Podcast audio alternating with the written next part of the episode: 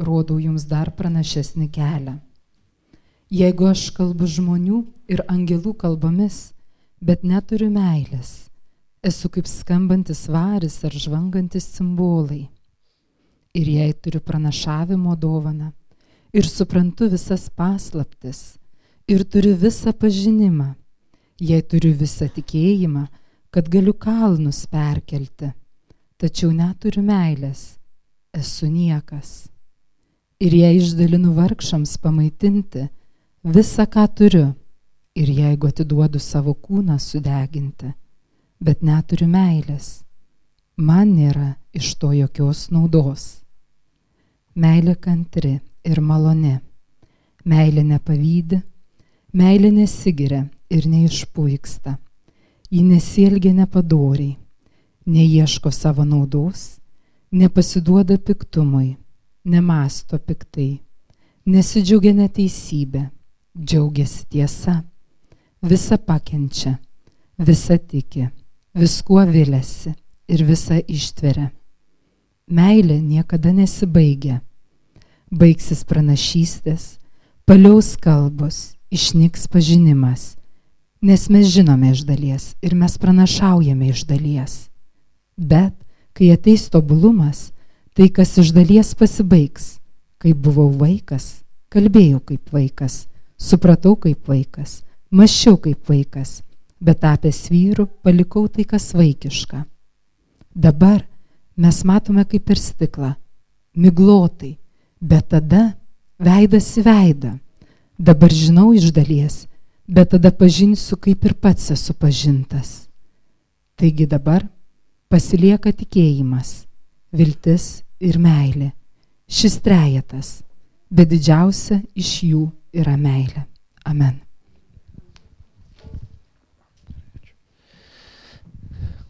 Pasimelskime visi.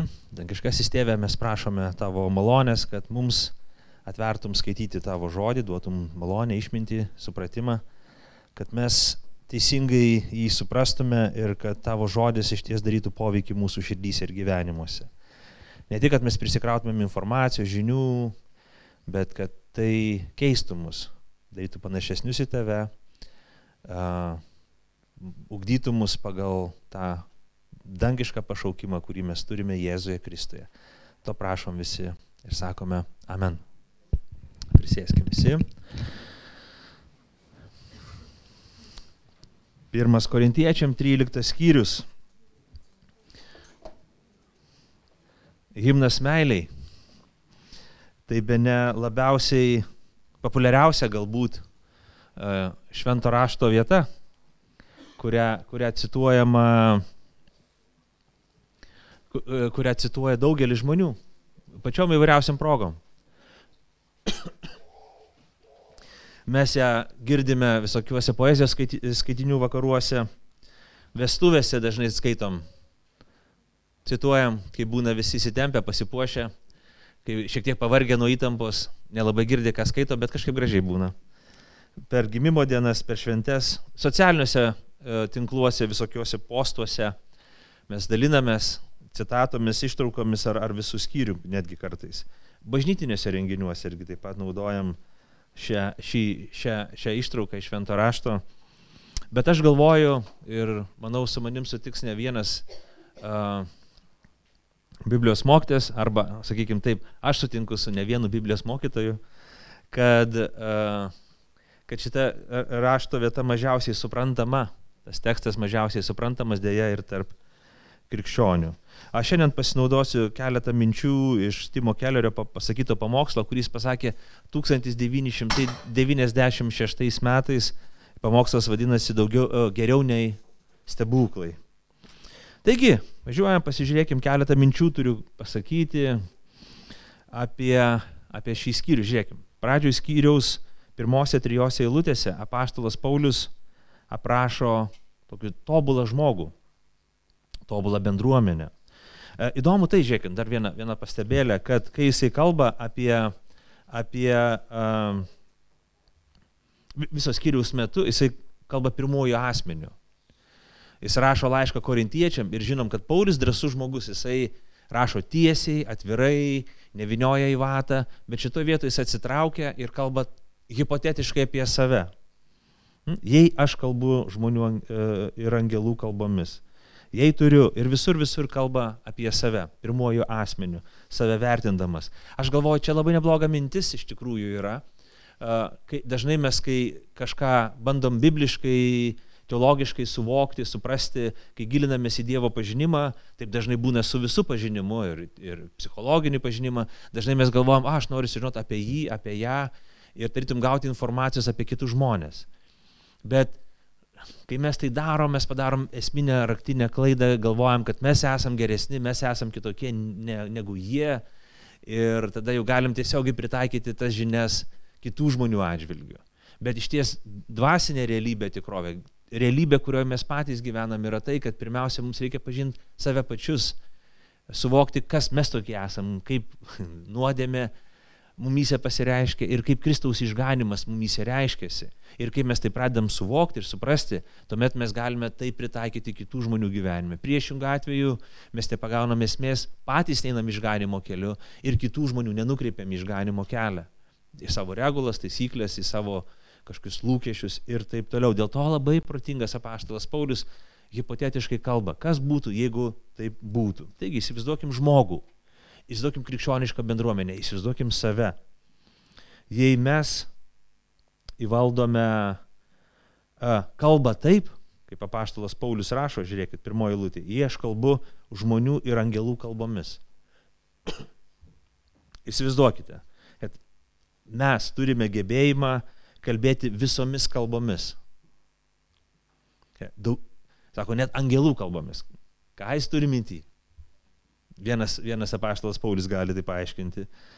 Tai gebėjimas komunikuoti, susikalbėti, perprasti, daryti dalykus, veikti, veikti tuos, e, su kuriais tu kalbi.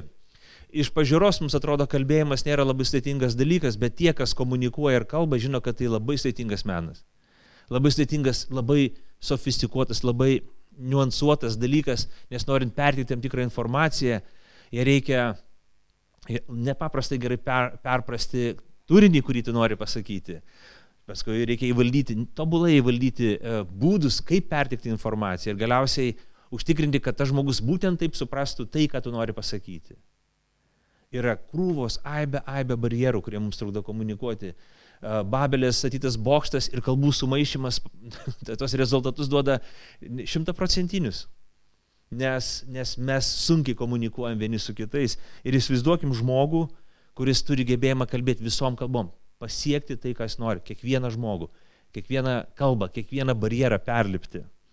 Žinote tą, tą jausmą, kai kažkada buvote, nežinau, užsienį ar čia Lietuvoje susidūrėte su tokia situacija, kai bandė, bandėt kalbėti su žmogumi, su kuriuo neturite susikalbėjimo, jis nesupranta jūsų kalbos, jūs nesuprantate jo kalbos, jūs kalbat, šnekat, pradėt prakaituoti, jaudintis, durna žuvo, galiausiai nesusikalbėt. Labai blogas jausmas. Ir staiga mumis atsiveria, many ar tavy atsiveria gebėjimas kalbėti visomis kalbomis. Netikėtina dovana, netikėtinas gebėjimas.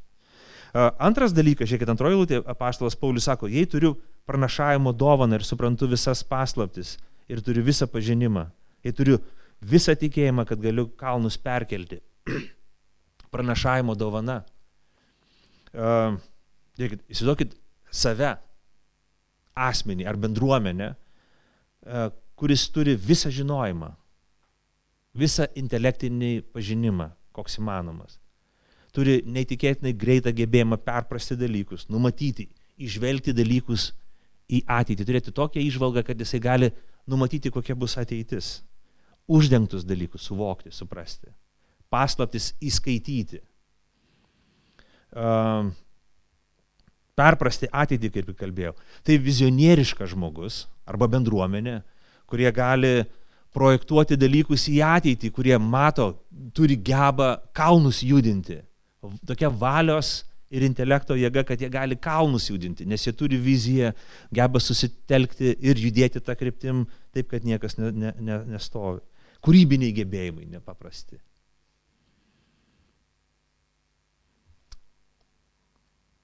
Nežinau, ar esat bendravę su už save ten dešimtis kartų intelektualiai pranašesniai žmonėmis. Kartais jautiesi kaip skrusdėlė bendraudamas su, su drambliu. U, kaip žmogus, jis tokia, turi atminti, viską prisimena, jis viską peržvelgia. Aš bandau užsiminti kažką, jis viską išmano tą sritį. Aš tik tai turiu keletą, keletą paskaitimų ir pasvarstymų to klausimo, jis giliai iš esmės viską išmano. Kalbu apie tai, jis tai sugeba. Netikėtini gebėjimai. Netikėtini gebėjimai. A, trečias dalykas, ką Paulius kalba apie pasiaukojimą, trečia lūtė, sako, jei išdalinu vargšams pamaitinti visą, ką turiu, jei atiduodu savo kūną sudeginti. Net, net sunku suvokti tokį reikalą. Bet čia netikėtinas radikalus pasiaukojimas, radikalus dosnumas, visiškas atsidavimas misijai. Įsivaizduokit save, kad jūs taip jaudinatės dėl vargšų, čia paminėti vargšai, dėl žmonių, kad jūs galite viską, viską atiduoti. Viską dėl jų. Namus savo atiduoti, kūną savo atiduoti sudeginimui, kad kai jis degs, kai kūnas degs, kad kitiems būtų šilta. Šiandien Lietuvoje tai labai aktualu, kad sušiltų žmonės. Didžiausia auka, kokia įmanoma, net sunku suvokti, kad kažkoks žmogus ryštosi tokiam veiksmui. Netikėtina, kokius, kokias viršūnės apaštalas Paulius siekia savo mintį, kai, kai, rašo, kai rašo korintiečiams. Ir netikėtina, Korinto bažnyčia buvo charizmatiška bažnyčia. Jis buvo labai apdovanota, talentinga bendruomenė. Ir tam tikrų laipsnių, tam tikrų, sakykime, procentų jinai tokia ir buvo. Be abejo, neturėjo visų dovanų, neturėjo viso žinojimo, neturėjo uh, visų kalbų išmanimo, negalėjo, ne, nedegino savęs, bet jinai buvo labai apdovanota. Žiūrėkime, mes esam šiek tiek kalbėję, bet svarbu prisiminti, kad uh, Korintas uh, šim, šimtmetį panašiai rašant tą laišką, panašiai prieš 200, nepilnus 200 metų buvo sunaikintas, nes jis priešinosi Romai buvo sunaikintas ir šimtą metų Korintas negalėjo būti kaip, kaip miestas, tiesiog neatstatytas.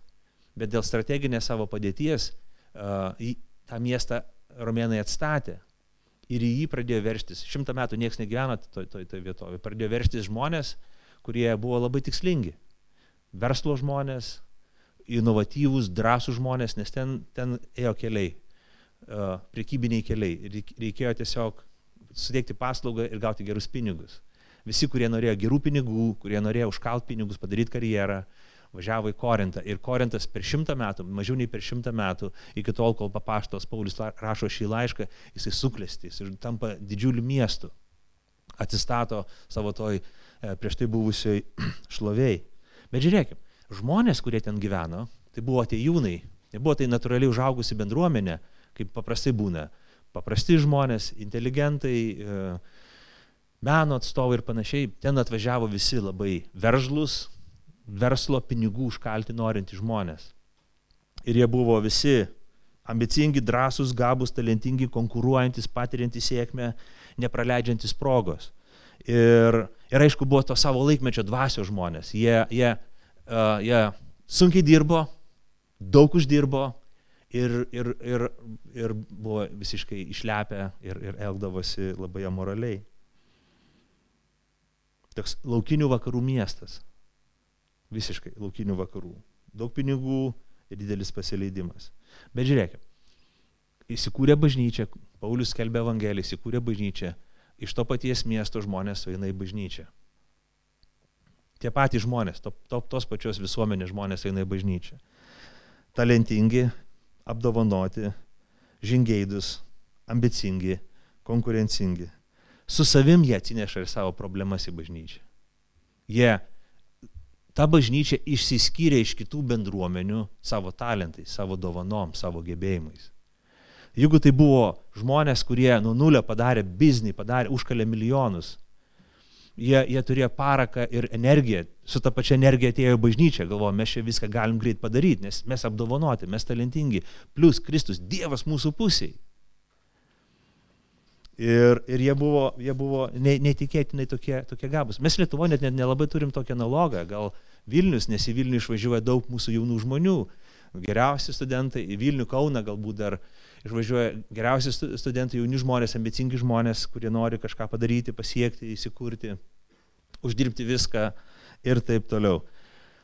pasaulinė prasme arba global, globalesnė prasme, gal tik koks Londonas ar New Yorkas. Bet, žiūrėkime, kas gaunasi. Paulius sako, a, čia aš praleidau skaidrę vieną, yra kažkokia trūkstama dalis, viena trūkstama dalis. Jei aš kalbu angelų kalbomis, žmonių angelų kalbomis, bet neturiu meilės, esu kaip skambantis varis ar žvangantis cimbolai. Paulius sako, žiūrėkime, yra neįtikėtinos dovanos, neįtikėtini gebėjimai, neįtikėtini pasireiškimai tų dovanų, kurias mes galime turėti ir turime kaip žmonės. Kai turim pranašavimo, pranašavimo dovanas ir taip toliau. Tačiau neturiu meilės, esu niekas. Trečia eilutė, jei išdalinu vargšams matinti visą, ką turiu, duodu uh, savo kūną sudeginti, bet neturiu meilės, man nėra iš to jokios naudos, Paulius sako. Reikim, pasirodo, Paulius sako tokį daiktą, kad jeigu visos, visi tie dvasiniai pasireiškimai, visi šitie veiksmai, kurie neįtikėtini yra, reikštus iki tobulumo nušlifuoti, iki tobulumo išvystyti, iki, iki tobulumo išreikšti, uh, pasireikštų bažnyčiai, Kristaus kūne, bet neturėtų savy meilės, tai būtų kaip tuščias muilo burbulas. Prisilieti prie kažko, prie bet ko prisiliečia ir sproksta. Mes galim išmokti, aš galiu išmokti kalbėti iki graudulio, iki jaudulio, sujaudindamas auditoriją. Tačiau jeigu aš vadovaujuosi ne meilę, o savimeilę, tai tušės reikalas. Jokios naudos, nulinė vertė. O, jei mes turime genialės įžvalgas, esam nepaprastai intelektualūs, protingi, racionalūs, turim gerą atmintį, esam plačiai apsiskaitę, turim daugybę, daugybę pavyzdžių, patirčių ir taip toliau. Kuriam beprotiškas vizijas, jas sugebam ne tik sukurti, bet ir įgyvendinti. Tačiau jei manėm ne, nerūpi Dievo meilė ir žmonių meilė, aš statau savo smėlio pilį ir esu niekas. Jei aš taip netikėtinai aukojosi dėl kitų žmonių, kad visi stovi pašiurpę, žandikulis nuvypęs ir visi sako, wow, aš noriu su juo nusifotografuoti, noriu selfie pasidaryti su Ramūnu. Jisai cool, taip aukotis, neįtikėtina, ranką nusipjovė su, su benzopjūklu, atidavė, kad susi, kaip malka susikuriantų ir pašiltų. Neįtikėtinas Ramūnas. Bet jeigu tai daroma be meilės, jeigu tai nemeilė įkvepia, tai yra tušės reikalas niekas neužskaitoma, jokios naudos. Tai tušės reikalas. Be meilės dangaus karalystė visi pasireiškimai yra nuvertinami ir nieko verti. Yra niekiniai. Visos dovanos, iki tobulumo išreikštos dovanos, jeigu jos neįkvėptos meilės, jos neturi jokios vertės, Paulius rašo. Pasirodo, kad mes galim, žiūrėkit, pasirodo, mes galime veikti, kalbėti, tarnauti, aukotis. Ir tuo pat metu nepatikti viešpačiui, neturėti jokios dalies su juo. Nepasireiškimas, nedovana ir jos veikimas parodo, kad esam su viešpačiu, kad jis yra su mumis, kad jam patinka, kaip mes gyvename, tos dovanos pasireiškimas tarytum įrodo, kad mes esam su Dievu ir Dievas mūsų pusėje, kad mes jį sekame, kad e, mes gyvename su Dievu. Ne, nedovanų veikimas parodo, kad mes esam su viešpačiu. Timas Kelleris pateikė keletą pavyzdžių ir manau, jie labai tikinami švento rašto. Jėzus teismo dieną sako, e, tiksliau, kažkurie žmonės jam sakys teismo dieną, argi mes tavo vardu negydėme, ne, nedarėme stebuklų, Kaip tu mūsų nepažįsti, bet viešpats sakys, ne, ne, aš jūsų nepažįstu ir jūs neturite dalies su manim. Pasirodo, įmanoma Jėzaus vardu daryti stebuklus, veikti, anonsuotis, hashtagus, grotažymės dėtis ant kiekvieno pausto, visur kalbėti jo vardu, maikės pasidaryti ir kitus dalykus, atributiką nešiotis. Jėzaus vardu mes viską darom, bet Jėzus sako, ne, ne, aš jūsų nepažįstu, kas jūs tokie iš viso esate.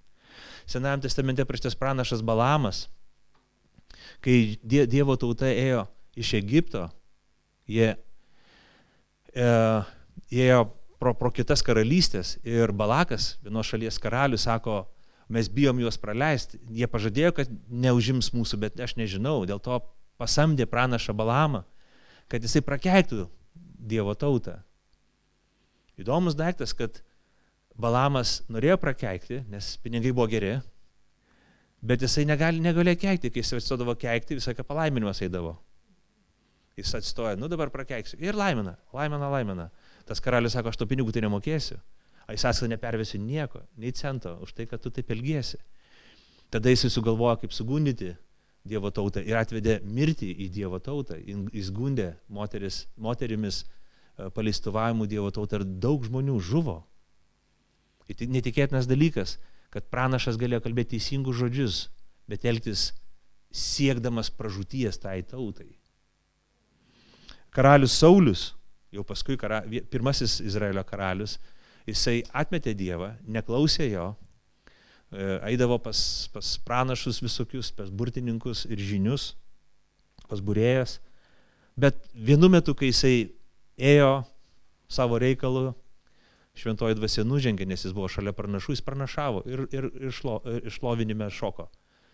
Šoko, grojo su bosnė gitara ir, ir visiems buvo labai linksma, fainai, bet kai paskui jis nuėjo nuo to būrio, vėl jisai tapo piktas, koks buvo. Judas Iskarijotas, prisiminkime dar vieną pavyzdį iš Naujojo testamento, vienas iš dvylikos. Jėzus pasiuntė dvylika mokinių gydyti, skelbti Evangelijos, išvaryti neti demonus. Visi grįžo besidžiaugdami tuo, kad dvasios jiem klusnios. Bet Judas gyvenimo, Jėzaus gyvenimo pabaigoje parodė, kad jis nepažįsta Kristus, kad jis neįtikėjęs į jį, kad jis neatsivertęs, kad jisai pražūties sunus. Jisai darė stebuklus jo vardu, jis skelbė Evangeliją jo vardu, jis gydė žmonės, bet prarado savo sielą. Taigi žiūrėkim, 13 skyrius 1 korintiečiam laiško 13 skyrius visiškai nekuria šventinės nuotaikos. Jį reikėtų išmesti iš visų švenčių. Neskaitykit, nes jūs turit sukelti šoką, žmonės turi pradėti drebėti per šventę, vien tik suprasdami, kokį tekstą skaito, nes jisai skirtas tam, kad sukeltų įtampą. Paulius rašo korintiečių bendruomenį, kuri pamišusi dėl dovanų. Jis nori, jinai apdovanota jinai išsiskiria visą galvą pranašesnė už kitas bendruomenės. Kitose bendruomenėse žmonės buvo labiau paprastesni, vienas kitas labiau išsilavinęs ar ten daugiau pasiekė žmogus, o korintiečių žmonės buvo labai talentingi, labai apdovanoti. Ir jie konkuravo tarpusavį, kieno dovana didesnė, kuris kietesnis, kur, kurio pasireiškimas didesnis Dievo palankumo įrodymas jo gyvenime? Ir taip toliau. Ir Paulius teškia tokią žinę, sako, ne, ne, klausykit, jeigu tame nėra meilės, visa tai yra niekinis reikalas, nulis. Rezultatas, išdava, pelnas yra nulis. Jokio pelno nėra. Taigi žiūrėkim, mes turim pripažinti labai svarbų daiktą, kad nekrikščionis žmonės gali būti ir yra labai apdovanoti. Dėl to mes atrasime tūkstančių žmonių čia panevežį, kurie turi daug geresnės iškalbas negu mes turim. Tūkstančių žmonių panevežį, kurie turi gilesnę išmintį, įžvalgą, valią, gebėjimą kurti, kurti vizijas, negu, negu mes turim, krikščionys. E, mes turėsime krūvą žmonių, kurie gyvena labiau pasiaukojantį gyvenimą nei mes. Nes Dievas duoda dovanas visiems žmonėms. Jeigu jis neduotų visiems žmonėms dovanų, visuomenė tiesiog subirėtų, pasaulis sugriūtų ir viskas. Dievas iš savo malonės duoda visiems žmonėms dovanų, tam, kad pasaulyje būtų kažkoks tai geris, kažkaip tai jisai išsilaikytų. Dėl to mes kaip, kaip tikintieji neturim mąstyti kaip nekrikščionis, galvodami, jeigu aš kažką darau ir tas žiauriai gerai sekasi, reiškia Dievas su manim. Jeigu mes, mūsų armija, puola užima viską, reiškia Dievas su mumis. Jeigu man, aš kalbu ir visi pašiurpia, reiškia Dievas su manim. Jeigu aš darau ir, ir viskas puikiai dėliojasi, reiškia Dievas su manim. Taip masto pagonis, bet ne krikščionis. Ne krikščionis turėtų taip mąstyti. Krikščionis, kaip apaštalas Paulius sako, taigi kažtai troškite aukštesnių dovanų, 12 skyrius paskutinė eilutė, ir visgi rodau jums pranašesnį kelią. Yra aukštesnis kelias, kurį apaštalas Paulius rodo. Tai yra meilės kelias. Ir Paulius čia gražiai labai aprašo. Žiūrėkim, paskaitykim ketvirtą eilutę iki aštuntos. Meilė kantri ir maloni. Meilė nepavydi, meilė nesigiria ir neišpuiksta, ji nesielgia nepadoriai, neieško savo naudos, nepasiduoda piktumui, nemasto piktai, nesidžiaugia neteisybė, džiaugiasi tiesa. Visa pakenčia, visa tiki, viskuo vilėsi ir visa ištveria. Meilė niekada nesibaigia. Kieno tai aprašymas? Aš prisimenu, kai vieną kartą mes vedėm, aš vedžiau vieną tėvystės grupę ir susirinko daug mamų, pagrindė, gal buvo koks vienas kitas tėtis, bet pagrindė mamos. Atėjo daug mamų, daug prisirinko labai ir aš taip šiek tiek sutrikau. Ir, ir viena mama pradėjo pasakoti, kokia jinai labai gera yra. Kokia, kokia, kaip myliu savo vaikus. Kaip ryte, kaip vakare myliu savo vaikus, kaip demonstruoja tą meilę. Ir, Ir nuo, nuo to demonstravimo jos nu, tai pasako netikėtinus dalykus. Aš galvoju, iš kur pas žmogų tiek, kaip jin, o, aš galvoju, reikėtų ją nulipdyti, nu, kažkaip, nes reikia, nežinau, šventyklose statyti jos paminklą, nes netikėtina, mama, tiesa, tiesa, nutiko toks dalykas, kad kiti dalyviai pradėjo piktintis, erzintis, įsivėlė tokį ginčą, pradėjo erzintis dėl, dėl, dėl tam tikrų detalių, dalykų ir paskui ta mama nebegrįžo niekada į kursą ir mes tada turėjom pakankamai neblogą grupę ir galėjom vieni kitiems padėti. Tiems, kurie tokie nesam tobuli tėvai. Taigi, kartai žmogus sako, o čia apie mane parašyta. Meilė, o jo, jo, man labai patinka, aš tai kantrus esu, jo, aš labai malonus. Pavydas, ne, ne, ne man, man nebūdinga labai savybė. Aš manau, kad čia Paulius kalba, kalba apie savybės, kurios mums nepasiekiamos. Visiškai nepasiekiamos. Aš manau, manau, kad kai jisai kalba apie meilę, jisai reflektuoja Jėzų Kristų. Jis apmasto Dievą, koks jis yra, jo charakterį, nes Dievas yra meilė. Pretenduoti ir sakyti pežoniškai, kad čia, čia o, apie mane kalba, net nesuprasti, apie ką kalbam. Galiausiai parašyta, meilė niekada nesibaigia tu nusibaigsi vieną dieną. Sorry, labai tiesiai pasakiau, bet mm, taip jau yra. Taigi, uh, tos savybės, skadrė visgi norėčiau persumti, uh, tos savybės, įsivaizduokime, įsivaizduokime, koks yra viešpats. Paulius reflektuoja, permasto, kokia yra Evangelijos žinia, permasto, koks yra Dievas. Netikėtina kokį Dievą skelbia krikščionybė. Jis yra kantrus, jis yra malonus, jis nepavydus, jis nesigeria, jis nėra išpuikęs, jis padorus, nesavanaudis, nepasiduoda piktumui, nemasto piktai, nesidžiaugia neteisybė, džiaugiasi tiesa, visą pakenčia, visą tiki, visko vilėsi, visą ištveria ir niekada nesibaigia. Dievas yra toks, jo charakteris toks. Dievas, kuris įsikūnijo ir tapo žmogumi, kuris gyveno tarp žmonių, būdamas pilnai žmogum, gyveno tobulą gyvenimą, bendraudamas su kitais žmonėm, prisimdamas kančią, kitų žmonių kaltės ant savęs, apreiškia šitas savybės, meilės savybės. Ir Pauliaus įsivaizdavimu, Pauliaus mokymu, šioje vietoje ir krikščionybė tą skelbia, kad kiekvieno krikščionio didžiausias troškimas ir projekcija turėtų būti, tai yra perspektyvinis žvilgsnis turėtų būti toks, patirti šitą meilę, ją patirti, ją pažinti. Ir būti jos perkeistam. Patirti Dievą, pažinti Dievą ir leisti, kad Dievas perkeistų mane. Nes aš nesu toks visiškai. Visiškai nesu toks. Nedovanų krikščionis turi siekti. Jos svarbios, jos reikalingos. Jos Paulius nerašo prieš jas. Bet, bet Dievo meilės. Jos, ją pažinti, ją apglėpti ir ją įkūnyti savy nedovanų pasireiškimas, bet meilės pasireiškimas yra ženklas, kad Kristus yra mumyse. Kai mumyse pradeda ryškėti šitos savybės,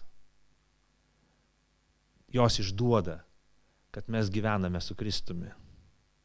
kad mes leidžiame laiką su juo, kad mes atgimė iš jo. Neprigimtinės savybės, kurios kitiems galbūt matomos, bet dvasios išlavintos savybės, kurios išsiugdo tik tuo met, kai mes būname su juo. Tai dvasios vaisius mumyse.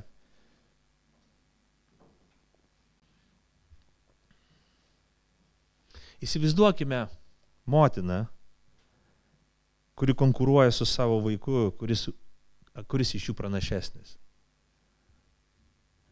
Jis turi vaikus ir sako, bet aš vis tiek geresnė už tave. Ir vaikam kala nepilnavertiškumo jausmą, tokį supiltą iki, iki, iki, ten, iki šerdės, iki gilumos. Įsivaizduokime brolius, kurie stengiasi perspjauti vienas kitą, nekenčia vienas kito, nes kažkas geriau daro, jis daro geriau negu aš darau, aš turiu jį perspjauti. Uh, įsivaizduokim, kad tėvas konkuruoja su savo sunumis. Uh, kai aš buvau darželėje, tai buvo žiloj senoviai, bet tai buvo. Ir pas mus ateidavo auklėtoja, pakaitinė auklėtoja, kai susirdavo mūsų auklėtoja, ar ten per atostogas, aš neįsivaizduoju, ateidavo buvusi uh, pradinių klasių mokytoja. Jis buvo pradinių klasių mokytoja o ne iš kokio darželio auklėtai, bet jin buvo pensinio amžiaus. Ir jinai mums duodavo suprasti, kad jinai dirbo su pranašesniais vaikais, negu mes čia, kurie dar į mokyklą net neinam. Jin pradinių klasių mokytoja. Nu, buvusi, bet vis tiek mokytoja, pradinių klasių, o ne darželinukų, kaip kad jūs esat. Ir visą laiką pabrėždavo mums tą dalyką, kad uh, jinai dirbdavo su pranašesniais už mus. Ir jinai pati turi geresnės savybės negu mes. Praėjo belenkiek metų, tie sustikimai man įsirėžė į atmintį labai giliai. Mes nebuvom gabus tos situacijos paaiškinti, kodėl tai auklėtai visą reikia mums tikinti, kad, kad jinai pranašesnė už mus. Bet kažkaip emociškai mes tai suvokiam. Ir vieningai visa grupė nekentėm jos. Kai sakydavo, ateis pavaduojantį auklėtoją, mes žinom, o, mūsų priešas ateina. Emociškai mes atreaguodavom. Dabar įsivaizduokite, Uh, įsivaizduokite žmogų, kuris turi mūsų paminėtas savybės, kurios reiškiasi uh, kal, tobuloj kalboj, dovanas, labai, labai tobulas, tobulai valdytas kalbos dovanas, gali kalbėti, įtaiga turi, neįtikėtina. Turi pranašavimo dovanas, pažinimas, gebėjimas veikti, vizija, kurti ir dalykus ir panašiai. Turi beprotišką pasiaukojimą, bet neturi visų šitų savybių. Kaip atrodo žmogus, kuris operuoja labai išlavintom dovanom, bet neturi širdies. Žmogus, kuris geba gerai kalbėti, bet yra nekantrus. Kuris turi du, visą pažinimą, bet yra nemalonus žmogus, pavydus pagirūnas, išpuikęs, nepadorus žmogus, savanaudis, pasiduoda piktumui, piktai masto. Paprastai jis, kaip galvoja, blogiau negu kad bus. Džiaugiasi neteisybė. Niekad nesidžiaugia tiesą. Ne, nepakantus yra. Nieko netiki. Toks sukuria bevilties, beviltišką be, be, be pojūtį atneša nevilti žmonėm. Neištvirmingas. Ir faktiškai neturi jokios kantrybės visiškai. Vaizdas yra apokaliptinis. Jeigu mes turime išlavintas dovanas, bet nesubrandinę Kristaus charakterio, mes tampam mirties instrumentais, naikinimo mašinomis. Mes tampam tai, ką žmonės geba padaryti, Ir viešpats nori, kad, kad visgi jo bažnyčia, jo bažnyčia teisingai sudėliotų akcentus. Ne, neieškotų tik tai tam tikrų savybių, ne, tik tai tam tikrų dovanų, pasireiškimų, bet ieškotų esmės ir dovanas naudotų tinkamai. Visos dovanos, visi mūsų gebėjimai yra daliniai. Kad ir kokia buvo apdovanota Korinto bažnyčia tačiau jos dovanos buvo dalinės. Viskas buvo daroma iš dalies. tai pasilieka ir šiandien. Pasižiūrėkime nuo 8 eilutės. Baigsis pranašystės, paliaus kalbos, išnyks pažinimas, nes mes žinome iš dalies ir pranašaujame iš dalies. Bet kai teis tobulumas, tai kas iš dalies pasibaigs. Kai buvau vaikas, kalbėjau kaip vaikas, supratau kaip vaikas, mačiau kaip vaikas, bet tapęs vyrų palikau tai, kas vaikiška. Bet dabar mes matome kaip per stiklą, miglotai, bet tada veidas į veidą. Dabar žinau iš dalies, bet tada pažinsiu, kaip ir pats esu pažintas. Taigi dabar pasilieka tikėjimas, viltis ir meilė. Šis trejetas, bet didžiausias iš jų yra meilė. Taigi, reikim, dabar, kol mes gyvenam, kol mes esam, taip yra su visais. Kiekvienas, kas mes turime kažkokią dovaną, bet kokią. Kalbėjimo, pranašavimo, aukojimo, dosnumo dovaną, ar visų po truputėlį, mes turim tik dalinės dovanas. Tik iš dalies mes galime kažką suprasti, su kažkuo sukomunikuoti, kažkam padėti. Savy mes ne, neturime pilnatvės. Vienas Dievas savy turi pilnatvę. Ir jame yra visų dovanų, visų gebėjimų ir galimybių pilnatvė. Mes visi esam tik tai iš dalies turintis. Ir tai labai svarbu suvokti. Tai labai su, svarbu suvokti. Tai mums padeda nusižeminti, tai nuima įtampą nuo mūsų. Tai mus nuramina, tai mus ir padrasina tuo pat metu, nes man nereikia gebėti pasiekti visų žmonių, su visais sukomunikuoti. Ir tikėtis, kad, o, nenuvilsiu nei vieno, taip jau bus, dėja, bet ne visi mus teisingai supras. Nereikia mums galvoti, kad mes turim visas žinias perskaityti, visą YouTube sužiūrėti kad galėtumėm su kažko pasikalbėti. Neturim visko žinoti, nes neįmanoma, vienas Dievas viską žino. Mes negalim taip pat visko išdalinti, nes pasaulis per didelis, kad tai, kas tu toks mažas, galėtum patenkinti visų reikmes.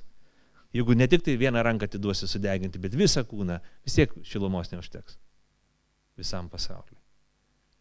Mes esam iš dalies, mūsų pažinimas iš dalies, mūsų mūsų e, dovanos ir tarnystė yra iš dalies. Um, Timas Kelleris sako, dovanos yra ribotos, bet malonė, meilė yra neribota. Ir čia netikėtinas dalykas,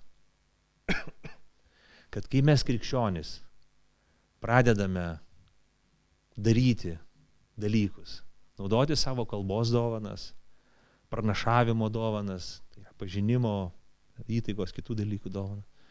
Kai mes naudojam savo davimo dovanas su meile, tai tampa vertinga ir tai išlieka. Nors tai ribotos ir paprastos dovanos. Nors mes paprasti ir pilki žmonės. Neišskirtiniai ir visai nekorinto bažnyčia. Neipatingai, ypatingai apdovanota bažnyčia. Bet kai mes apmastome Kristaus meilę, kai mes pasiliekame Kristaus meilėje, kai mes trokštame ją pažinti, kai mes trokštame jos būti perkeisti, kai ji mus pradeda valdyti, tuomet tie paprasti žmonės pradeda daryti reikšmingus darbus. Galbūt pasaulio akise tai nėra, nėra reikšminga, bet Dievo akise yra.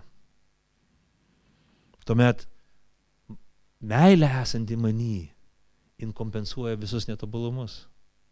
Ir yra tai, kas išlieka. Tai, kas patraukia kitus. Tai, kas daro įtaką. Panaudosiu žodį, kas įtakoja, kurio negalima naudoti žodį. Nes meilė yra ta, kuri tai daro. Ir mes tampame tos meilės įrankiais ir instrumentais. Žiūrėkim. Jei aš kalbu, bet aš net neturiu baisaus, baisiai gero įtikinimo, įtikinimo, įtikinimo.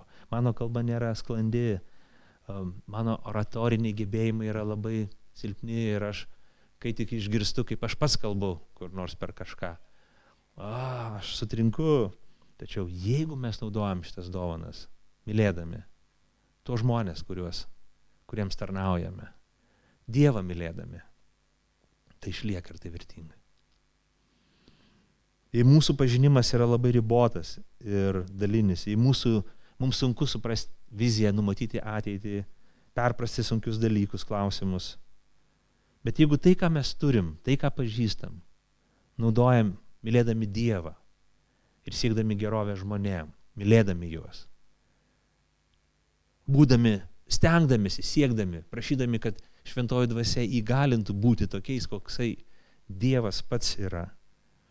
Mūsų vaisius išlieka į amžinybę. Jei mes dalinamės tuo, ką turim, ir nelabai daug ką turim, nelabai daug gal poreikių patenkinam, be jokių grandiozinių šou, be projektų, be interviu, be televizijų, be jokių nuotraukų gal kažkokių, tiesiog tyliai padarom paprastus darbus. Bet darom tai iš meilės.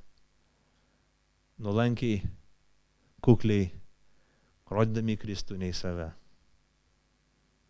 Tai atneša naudą ir prasme ne tik tiem žmonėm, kurie pavalgo, aprengiami, paguodžiami, apkabinami, bet ir tau pačiam. Tu tampi turtingesnis. Mes dabar gyvenam netobulumo laikę. Mes matom iš dalies.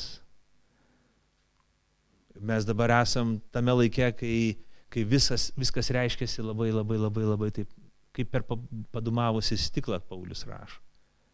Bet mes einame į pasaulį, kuriame bus apreikštas tobulumas.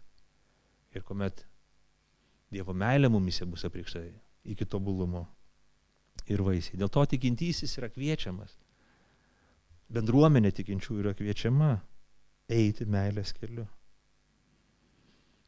Patirti tą meilę, pažinti tą meilę, būti tas meilės perkeistiems. Ir kai tai vyksta mumyse, mes tai, ką mes darom, tai išlieka. Tai, ką mes darom, šlovina viešpatį. Tai yra ženklas, kad mes esam Dieve ir Dievas yra mumyse. Pakilkime maldai.